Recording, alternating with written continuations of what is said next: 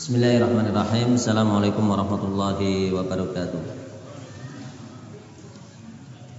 Alhamdulillah. Salatu wassalamu ala Rasulillah wa ala alihi wa sahbihi wa mawala la haula wala quwata illa billah.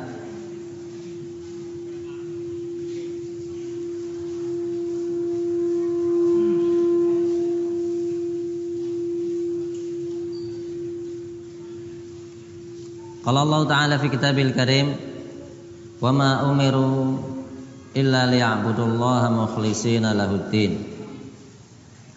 Fa inna astaqal hadithi kitabullah wa kharal hadi hadi Muhammadin sallallahu alaihi wasallam.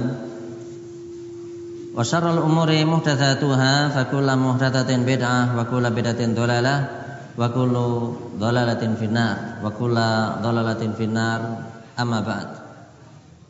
Bapak Ibu yang kami muliakan nikmat yang begitu banyak, karunia yang begitu sangat agung sehingga kita dengannya sebagai seorang muslim tidak henti-hentinya selalu memuja akan kebesaran Allah dengan mengatakan alhamdulillahi rabbil alamin.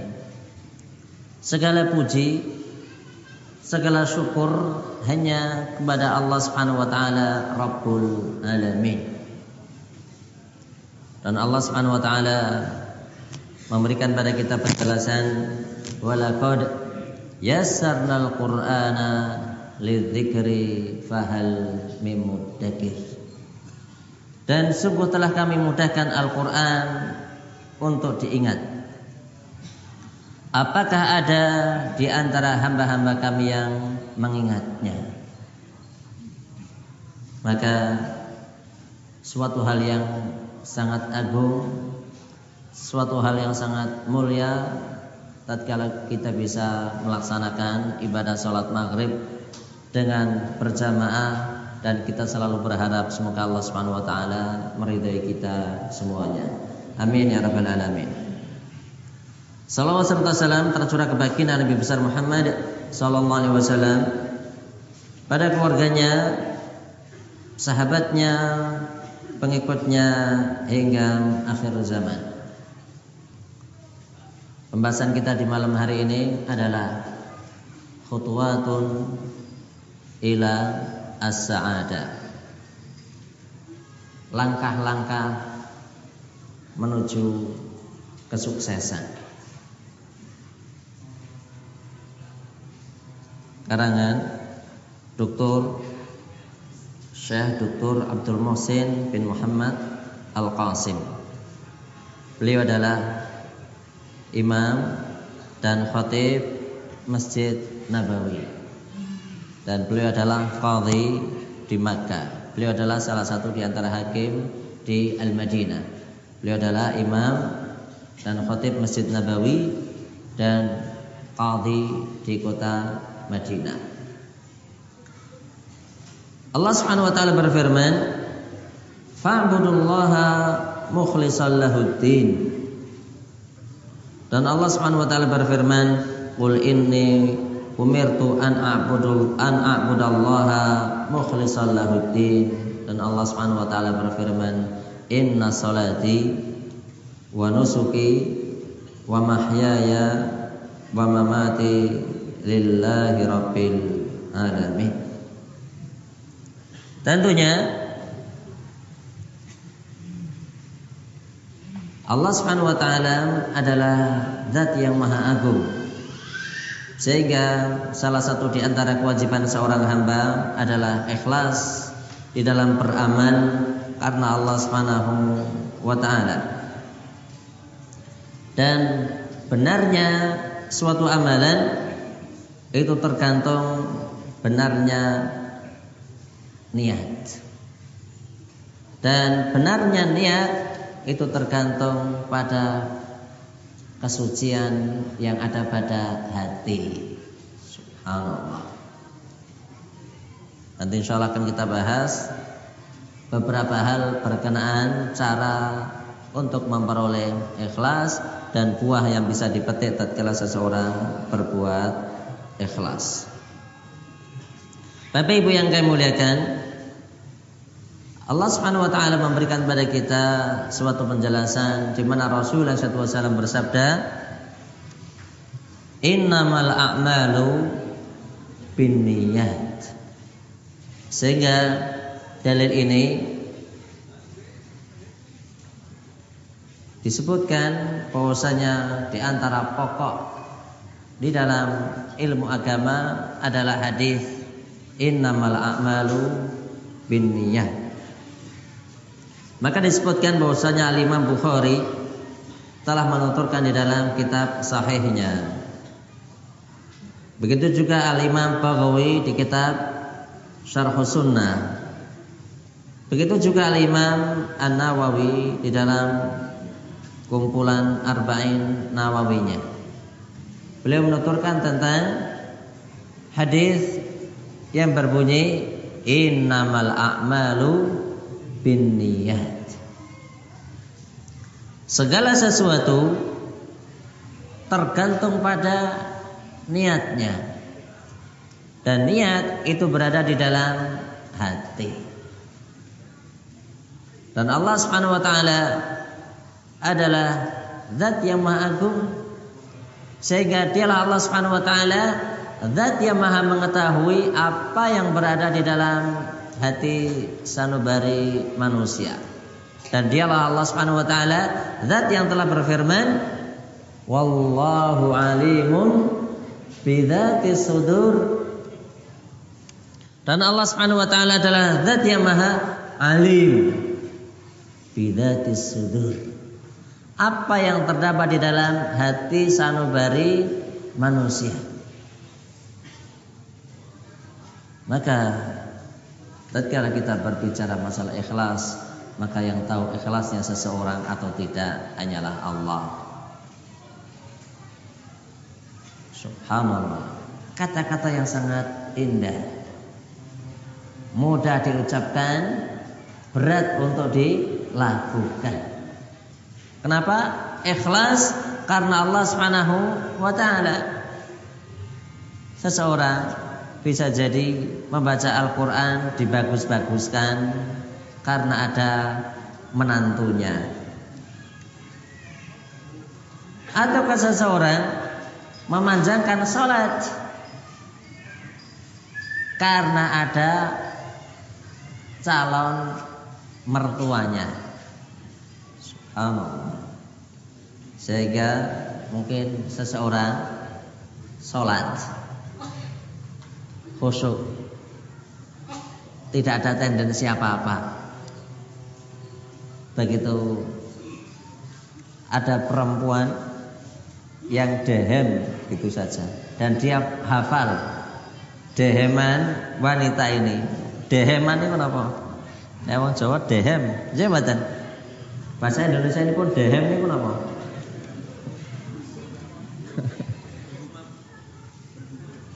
bergumam. Bergumam itu ngomong dewe. Bergumam itu ngomong sendiri. Dehem niku itu dehem. Jabatan seorang laki-laki tatkala dia sholat kemudian lewatlah seorang perempuan entah itu Aisyah, Faryatun, Juminten atau yang lainnya. Ini kok dehemannya Mbak Faryatun sholatnya pun benten benten beda. Kalau itu suara keras akan dikeraskan dan diindah-indahkan. Kalau itu adalah sholat yang tidak ada suaranya maka akan disuek-suek subhanallah. Dan dialah Allah Subhanahu wa taala zat yang maha alim. Dan dialah Allah Subhanahu wa taala zat yang alimun bidzatis sudur. Subhanallah. Dan tentunya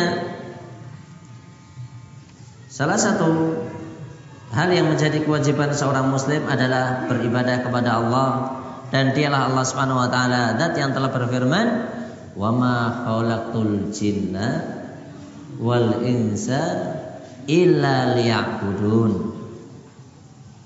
Wa ma khalaqtu dan tidaklah aku ciptakan al jinna jin wal insa dan manusia. Subhanallah illa liya'budun kecuali agar mereka beribadah kepadaku. Di sini Allah Subhanahu wa taala menyebut jin lebih dahulu daripada manusia. Bukan berarti jin itu lebih mulia. Yang jelas manusia lebih mulia daripada jin. Kenapa jin disebut lebih dahulu? Karena jin itu diciptakan lebih dahulu daripada manusia. Makanya salah satu yang kita baca tatkala kita baca An-Nas adalah akhir surat. Akhir ayat minal jinnati wan nas. Subhanallah. Alladhi yuwaswisu fi sudurin nas. Alladhi yuwaswisu fi sudurin nas. Minal jinnati wan nas. Sehingga kadang seseorang mau melakukan suatu amalan boten sios. Kenapa? Setan yang mengganggunya subhanallah. Kadang seseorang mungkin akan sholat sunnah di masjid. Habis sholat fardu punya keinginan pengen sholat sunnah. Begitu dia berpikir saya tak sholat sunnah di rumah saja. Kenapa? Karena Rasulullah SAW bersabda, "Afdalus sholat fil bait ilal maktubah." Sebaik-baik sholat itu adalah dilakukan di rumah kecuali yang difardukan. Sehingga benar tidak hadisnya? Benar. Diamalkan boleh tidak? Oh sangat dianjurkan. Oh. Tapi kadang seseorang begitu di tengah jalan pulang dari masjid, yun sewu hadas kentut. Sehingga sampai di rumah nggak jadi sholat sunnah. Kenapa? Karena mestinya begitu kentut di rumah wudhu lagi, tapi dia tidak bisa melakukannya. Ataukah di rumah masih dalam keadaan suci, mau melakukan sholat sunnah, ada bunyi handphone, dilihat gini. Mungkin kalau itu teman dibiarkan. Tapi kalau yang telepon kok mertua, nah kudu ra kudu. Jembatan mertuaku ini diangkat. Di diangkat. Subhanallah. Begitu sudah telepon ditaruh.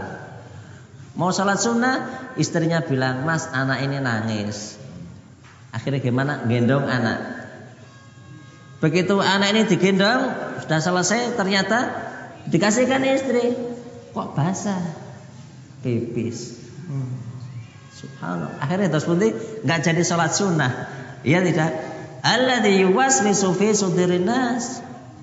Subhanallah. Minal jinnati manas bahkan kadang kita mau melakukan suatu sikap tertentu tidak jadi. Subhanallah.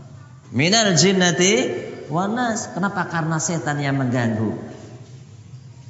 Subhanallah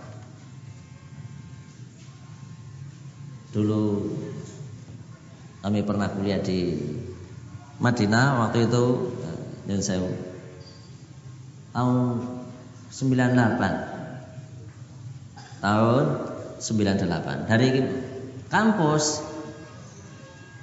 ke Masjid Nabawi itu kurang lebih 7 kilo. Dan tentunya mahasiswanya cukup banyak sepuluhan ribu. Sepuluh ribu mahasiswa. Masya sekarang jauh lebih banyak. Kalau nggak salah sekarang empat belas ribu. Semuanya laki-laki. Semuanya laki-laki. Ke masjid ada antar jemputnya pakai bis. Tiap bulan mereka dapat beasiswa. Bahkan tiap tahun bisa pulang dan tiket yang menjamin adalah pemerintah Saudi Pernah waktu itu kami pulang habis isya dari Masjid Nabawi. Begitu pulang dari masjid, saya melihat tas kresek. Tas tas kresek hitam. Dan di Arab itu jarang tas kresek warnanya hitam itu jarang. Kenapa mesti bening warnanya? Enggak merah, biru, kadang putih, kadang kuning. Tas kresek hitam itu jarang sekali. Begitu pulang dari masjid lewat gang-gang karena waktu itu Madinah masih banyak pembangunan hotel. Saya lihat ada tas keras kok ditendang mahasiswa. Tiap kali ada datang mahasiswa lagi belakangnya ditendang lagi terus bolak-balik ditendang. Tempat dekat parkiran bis. Begitu saya lihat kok mau ditendang-tendang, saya pun ikut nendang. Dan demikianlah seseorang kadang pengen melakukan apa yang dilakukan oleh orang. Jadi tidak. Tapi begitu orang-orang nendang, saya ikut tendang juga. Tapi begitu saya tendang, ada sesuatu. Tak angkat. Subhanallah. Begitu tak buka. Waktu itu saya dengan salah satu teman dari Bali. Begitu tak buka tas kerasak itu isinya duit segini. Ada sak realan, ada dua realan, ada sepuluh realan, ada lima puluh realan, ada seratus realan. Satu real itu waktu itu adalah kurang lebih tiga ribu itu waktu itu. Kenapa? Karena waktu Krismon tahun 98 pas Krismon buatan ya pas Krismon. Subhanallah. Kalau yang seratus ribu satu lembar berarti 300 ribu. Subhanallah. Alladhi yuwaswisu fi sudurinas. Iya tidak? Setan ganggu badan? Ganggu. Saya ingat terus pundi? Saya ambil. Saya saya ambil. Lihat oh, duit. Teman bilang, "Oh, pulang fulus nukut." Subhanallah. Kemudian saya berpikir, eh, ini bukan uang saya. Tak taruh. Saya jalan. Begitu jalan beberapa meter, saya mundur lagi. Mikir, ya tidak, eh, duit eh. Du, duit. Subhanallah. Akhirnya saya angkat lagi, tak bawa jalan pelan. Saya pikir lagi, ini bukan hak saya. Ini milik milik orang. Tak taruh lagi. Kemudian saya jalan. Begitu udah jalan saya balik lagi. Ya nanti kalau yang nerima yang dapat orang baik. Kalau orang yang nggak baik dia akan membelanjakannya. Saya pun datang lagi, tak ambil lagi. Ya. Begitu jalan, mikir, wah ini yang punya mesti mencarinya. Sudah, tak kembalikan lagi situ. Insya Allah yang kehilangan dan dia mesti akan mencari di mana dia tadi berjalan. Gimana? Mesti akan mengikuti jejaknya. Sudah, saya taruh, saya tinggalkan uang tersebut. Khalas. Liwat sila. Insya Allah karena karena Allah. Ya tidak. Insya Allah karena Allah. Kalau enggak karena Allah ya mungkin sudah kita manfaatkan. Bagi cah loro saya ngerti kok. Iya tidak? Subhanallah. Dan setan selalu yuwaswisu fi sudurin nas minal jinnati wan nas dan semoga itu adalah bentuk amal soleh kita karena kita tidak mau mengambil sesuatu hal yang bukan milik kita. Bapak Ibu yang kami muliakan, tentunya Allah Subhanahu wa taala telah berfirman, "Wa ma khalaqtul jinna wal insa illa liya'budun." Yang dimaksud ya'budun adalah yuwahidun. Agar mereka mengesahkanku dalam peribadatan. Subhanallah. Dan Allah Subhanahu wa taala adalah As-Samad. Qul huwallahu ahad. Allahu As-Samad. Subhanallah. Dialah Allah Subhanahu wa taala. Katakanlah wahai Muhammad bahwasanya dialah Allah Subhanahu wa taala Al-Ahad. Zat yang Maha Esa. Allahu Samad. Alladhi yahtaju ilaihi nas. Dialah Allah Subhanahu wa taala As-Samad tempat bergantung yang mana seluruh manusia membutuhkan Allah. Wala yahtaju ilaihim dan dialah Allah tidak butuh kepada manusia. Ada imul baqi al hayyu alladzi la yamut. Dialah Allah Subhanahu wa taala zat yang maha kekal, zat yang maha abadi, zat yang maha hidup dan zat yang tidak bakalan mati. Subhanallah. Makanya kesempurnaan yang ada pada sisi Allah tidak bisa ditandingi. Tapi kekurangan yang ada pada manusia maka itu adalah bentuk kesempurnaan manusia.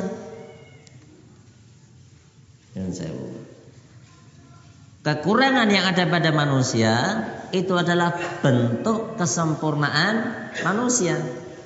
Terus pun di bagaimana umpamanya kita ini kok punya kebiasaan gaweane ngantuk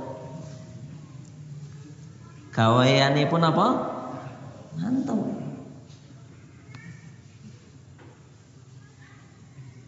Di rumah deres ngantuk.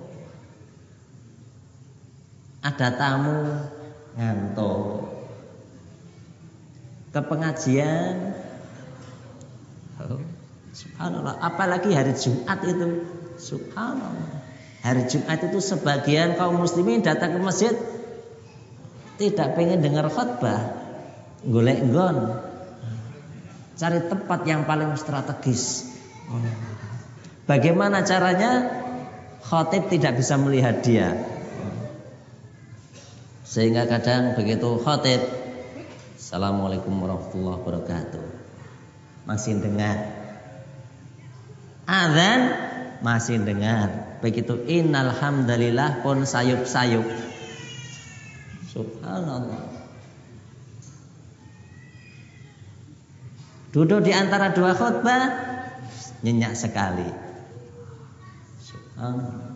Begitu sudah komat, sebagian masih nyenyak. Akhirnya dibangunkan sama tetangganya. Lek nyuwun saya lek pun komat. Uh, iya ya matur nuwun. Sampai di rumah ditanya istrinya, Mas, gimana tadi khutbah di masjid? Rakrumu udan terus banget. Subhanallah. Katanya tidak mendengar karena hujan deras. Padahal di masjid sare. Subhanallah. Nah, seseorang tatkala ngantuk terus maka itu adalah bentuk kekurangan. Iya tidak? Tapi kalau itu adalah tidak terjadi pada seseorang. Seseorang ngantuk, alhamdulillah ngantuk ada tidur. Repot kalau hanya ngantuk terus, calangaban terus, menguap terus, tapi tidak bisa tidur. Stres betul? Stres. Subhanallah. Bagi mereka yang ngantuan maka selalu berusaha lihat namanya Bapak Satpam Lihat yang namanya mereka yang hendak ronda, dia ngantuk. Pengen caranya gimana dia melek. Subhanallah. Jabatan yang melek pengen caranya di mana dia tidur. Subhanallah. Makanya kekurangan yang ada pada manusia itu adalah bentuk kesempurnaan manusia. Subhanallah. Alhamdulillah kita ini bisa ngantuk. Alhamdulillah. Tidur Alhamdulillah Melek Alhamdulillah Coba kalau kita ini hitung-hitung Seseorang punya umur 100 tahun Seseorang punya umur berapa? 100 100 tahun Berapa yang dia gunakan untuk ibadah? Subhanallah Sehari semalam berapa tahun? Berapa jam? 24 jam. Sehari semalam 24 jam. Untuk tidur pinten 8 jam. Jadi kalau seseorang punya umur 100 tahun untuk tidur saja pinten tigang doso tiga tahun langkung tigang bulan untuk sare. Niku nek umure 100 tahun. Nah umure swidak berarti pinten untuk tidur? Rong puluh tahun. Nggih mboten? Waktu balik 15 tahun. Berarti berapa? 35 tahun. Masih berapa? Selangkung. Lek bambung 20 tahun. Cuma ibadah berapa? 5 tahun. Subhanallah. Subhanallah. Dan Allah Subhanahu wa taala berfirman, "Illa liya'budun ay liwahidun." Agar mereka mengisahkanku dalam perkara ibadah. Allah Subhanahu wa taala berfirman di dalam surat Al-An'am, "Qul inna salati wa nusuki wa mahyaya wa mamati lillahi rabbil alamin." Katakanlah wahai Muhammad bahwasanya salatku ibadahku, kehidupanku, kematianku hanya milik Allah Subhanahu wa taala Rabbul alamin milik Allah Subhanahu wa taala semata. Maka sebagai seorang muslim hendaknya selalu menyerahkan seluruh urusannya kepada Allah dan sebagai seorang muslim dalam keadaan apa pun selalu berkata alhamdulillah. Kita lihat saudara kita yang sakit, coba ditanya, terus pun pun Pak, dia pun akan mengatakan alhamdulillah. Waing-waing terus alhamdulillah. Pilek ditanya saja alhamdulillah. Ataukah kita datang ke rumah sakit Sarjito atau PKU yang dekat sini? Kita mungkin punya saudara kita yang lagi dalam keadaan kakinya patah kecelakaan. Coba ditanya. Terus pun pun le dia akan berkata alhamdulillah alhamdulillah kenapa cuma patah alhamdulillah cuma kesleo alhamdulillah masih sugeng jebotan Alhamdulillah di sini adalah tafaulan. Berharap untuk memperoleh kesembuhan. Subhanallah. Berharap untuk memperoleh kesembuhan. Bapak Ibu yang kami muliakan, ada seorang ulama besar yang bernama Fudail ibn Iyad. Beliau mengatakan, "Al-amalu li ajlin nas syirkun wa tarkul amal li ajlin nas riyaun wal ikhlasu an yu'afika Allah fihima au minhuma ada seorang ulama besar yang bernama Fudail ibn Iyad. Beliau mengatakan, "Al-amalu li ajlin nas syirkun." Seseorang yang beramal karena manusia seseorang yang beramal karena manusia itu adalah syirik. Syirik asgar yang dimaksud dengan ria.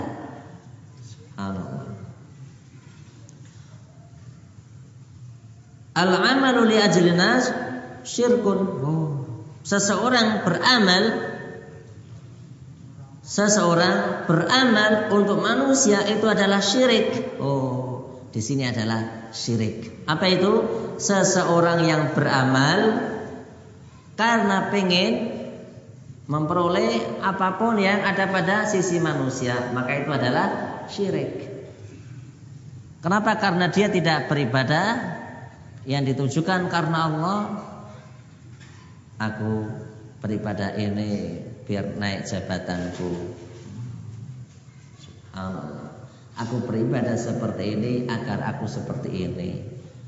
Maka dikatakan bahwasanya al amalu li ajlinas syirkun. Seseorang yang beramal untuk manusia itu adalah syirik. Wa tarkul amal li ajlinas dan seseorang meninggalkan suatu amalan karena manusia itu adalah ria. Subhanallah. Seseorang mau bersedekah nggak jadi bersedekah maka itu adalah ria Kenapa Bu nggak jadi bersedekah? Aku takut dipuji orang. Subhanallah. Subhanallah. Oh, seseorang yang meninggalkan suatu amalan hmm, karena manusia itu adalah ria.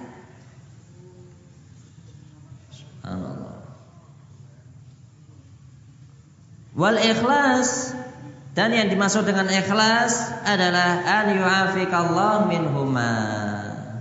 Allah Subhanahu wa taala membebaskan kalian dari keduanya. Subhanallah. Yang dimaksud ikhlas adalah Allah Subhanahu wa taala menjauhkan Anda dari dua hal tersebut. Maka dialah Allah Subhanahu wa taala zat yang telah berfirman, "Faman ya'mal mithqala dzarratin khairan yara. Wa may ya'mal mithqala dzarratin syarran yara. Barang siapa yang mengamalkan suatu amal kebaikan, maka hamba tersebut mesti akan melihat dan memperoleh balasannya. Dan barang siapa seseorang yang melakukan mithqalu dzarrah, subhanallah. Mithqal dzarrah. Bapak Ibu yang kami muliakan, Zarrah adalah sesuatu hal yang sangat kecil. Kalau sebagian mengartikan biji sawi, sebagian lagi mengartikan adalah atom. Yang saya Kalau kita punya rumah, ini umpamanya genteng, jabatan, semuanya genting dan genting tersebut adalah dari tanah yang dibakar. Kemudian ada satu genting di mana genting ini adalah genting plastik ataukah genting kaca. Khususnya bagi mereka yang tinggal di kampung. Jemoten? Oh ya. Padahal pagi sudah disapu nih, Pagi sudah dibersihkan, subhanallah. Tapi begitu ada yang oh, ada yang nyapu. Oh, Bapak Ibu preso, entah itu disapu atau nggak disapu, maka dari bawah genteng ini akan ada sinar. Ciptaan Allah yang sangat kecil sekali, mabur-mabur. Coba kita buka gini, tambah wakil, jembatan tambah banyak. Subhanallah. Apakah kita bisa mengambilnya? Gak bisa mengambilnya. Jabatan itulah zarah. Subhanallah. Sangat kecil buatan? Sangat kecil. Mudah dan bisa ditangkap. Oh, coba aja kalau pakai kaca. Dibasahi air, kemudian keringkan dikit. Nah, baru dikinikan. Nanti akan nempel. Sangat kecil sekali. Jabatan? Coba ditimbang berapa beratnya itu? Subhanallah. Berapa beratnya? Subhanallah. Sepersekian oh gram, nggak tahu berapa, oh, sangat kecil sekali kok. Jematan timbangan rak lakon obah. Nek obah medeni. Subhanallah. Dan Allah Subhanahu wa taala memberikan kepada kita suatu penjelasan. Wallahu yudha'ifu liman yasha wallahu wasi'un alim. Allah Subhanahu wa taala memberikan lipat ganda kepada siapa pun di antara hambanya yang dikehendaki. Wallahu dan dialah Allah Subhanahu wa taala wasi'un alim, zat yang maha luas dan zat yang maha mengetahui. Allah. Tentunya tatkala kita berbicara masalah ikhlas, apakah kiat-kiat seorang muslim untuk memperoleh ikhlas? Apakah upaya yang semestinya dilakukan oleh seorang muslim agar dia memperoleh ikhlas? Yang pertama adalah berdoa kepada Allah Subhanahu wa taala. Berdoa kepada Allah Subhanahu wa taala dengan mengatakan Allahumma ja'al amali kulluhu salihah. Ya Allah, jadikanlah seluruh amalanku adalah amal yang baik. Khalisa. Dan jadikanlah amal yang kami lakukan adalah hanya ditujukan kepada Engkau semata. Subhanallah. Abad boten ikhlas niku? Abad. Ikhlas itu berat tidak? Berat. Makanya doa orang tua adalah doa yang ikhlas. Maka doa orang tua itu adalah mustajab. Jabatan, oh Subhanallah, doanya orang tua untuk anak itu adalah mustajab. Makanya bagi orang tua hendaknya hati-hati di dalam berucap. Jika orang tua berucap kebaikan, maka insya Allah kebaikan itu akan terlaksana. Jika orang tua berkata yang tidak baik, maka yang namanya kecelakaan pun akan dekat. Subhanallah. Dan yang namanya anak itu kadang nganyel ke mboten. Oh. Anak niku kadang jengkel ke. Oh, jengkel ke. Dan anak-anak sekarang itu berbeda dengan waktu dulu kita masih kecil. Dulu waktu kita masih kecil, yang namanya dengan ayah, wedi mboten, wedi banget. Subhanallah. Sehingga jika ada seorang ayah di zaman dahulu begitu masuk ke dalam rumah, sakata al-mutakallim wa sakana al-mutaharrik katanya yang tadinya do ngobrol diam semuanya yang tadinya teng pencolotan yang tadinya loncat-loncat semuanya tenang. Dan seorang ayah kadang cuma ngelirik tok niku bocah niku wedi nggih mboten. Takut tidak? Oh takut. Sama niku mboten? Subhanallah. Anak itu kadang nyuruh-nyuruh orang tua. Kadang Subhanallah. Kita lihat, waktu kita dulu dibelikan sepatu sama orang tua, ngeyel mboten? Enggak ngeyel. Diam. Iya tidak? Paling ya mencucu sitik. Tapi tidak berani komentar. Dibelikan jajan, nerima. Dibelikan oh, wajib. Alhamdulillah. Ya zaman rekoso. Coba anak sekarang diajak ke warung, satu warung kadang tidak ada yang cocok. Jabatan satu warung nggak ada yang cocok. Kenapa pengen di supermarket?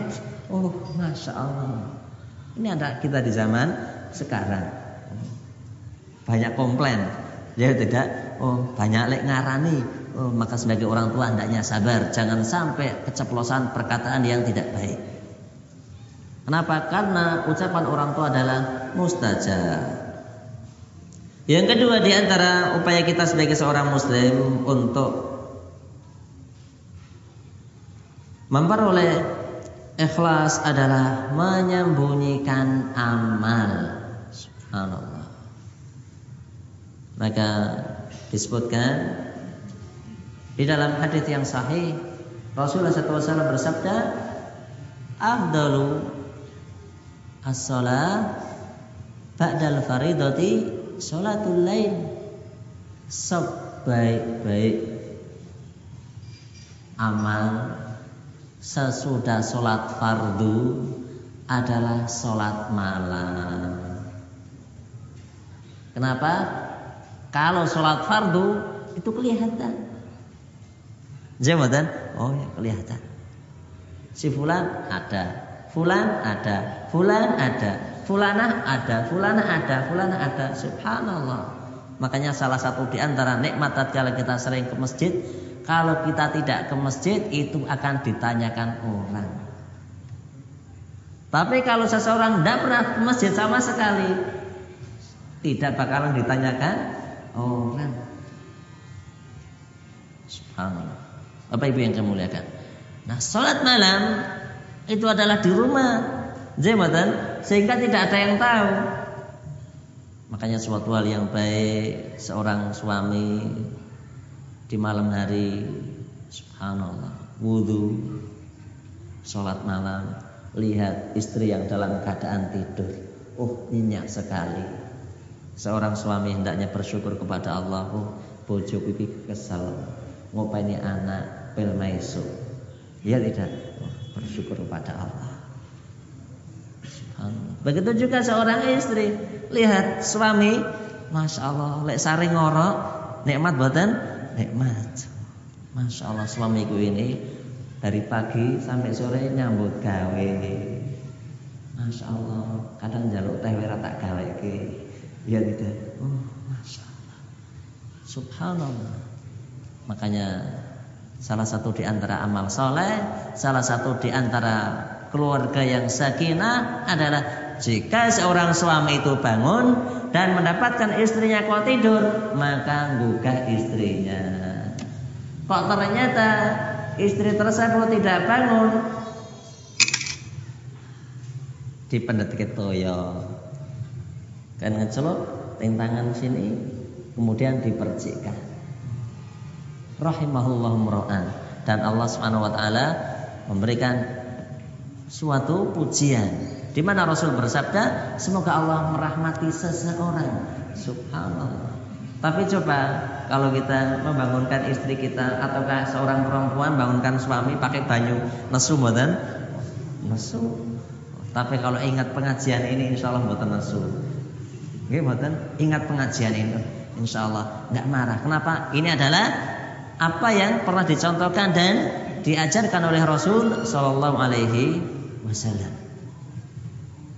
Bapak Ibu yang kami muliakan, ikhfa'u al-amal. Seseorang tak kalah salat malam, maka amalan tersebut adalah tersembunyi. Sehingga kadang tidak diketahui amalan tersebut kecuali dia dengan Allah. Subhanallah. Lihat umpamanya kita di malam hari habis sholat malam keluar rumah.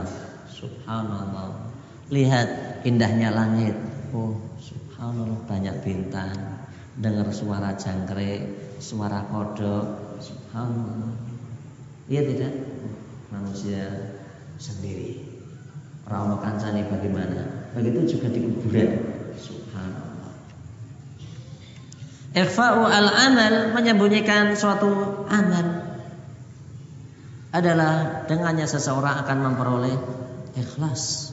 Makanya salah satu di antara tatkala seseorang berzikir kepada Allah Allah Subhanahu wa taala memberikan pujian. Mereka orang-orang yang bertasbih. Bil asyi wal ibkar. Bil asyi di waktu sore. Wal ibkar. Dan di waktu bukur di waktu sahur. Wasabbih bil asyi wal ibkar dan Allah Subhanahu wa taala memberikan pada kita penjelasan wal ashar, waktu sahur. Dan waktu sahur adalah waktu nikmatnya seseorang tidur. Jematan. Makanya Allah memuji mereka yang berdoa, memohon kepada Allah. Kapan? Di waktu sahur. Dan nikmatnya tidur kapan? Nikmatnya tidur adalah sesudah sahur jabatan Tapi itu adalah suatu hal yang tidak semestinya dilakukan oleh seorang muslim. Abdullah bin Abbas radhiyallahu anhu pernah marah kepada anaknya gara-gara anaknya tidur sesudah subuh. Untuk kelanjutan pembahasan ini kita lanjutkan pada pertemuan yang akan datang. Insya Allah sudah datang waktu Isya. Terima kasih atas segala perhatiannya. Subhanakallahumma bihamdika asyhadu an wa atubu. Assalamualaikum warahmatullahi wabarakatuh.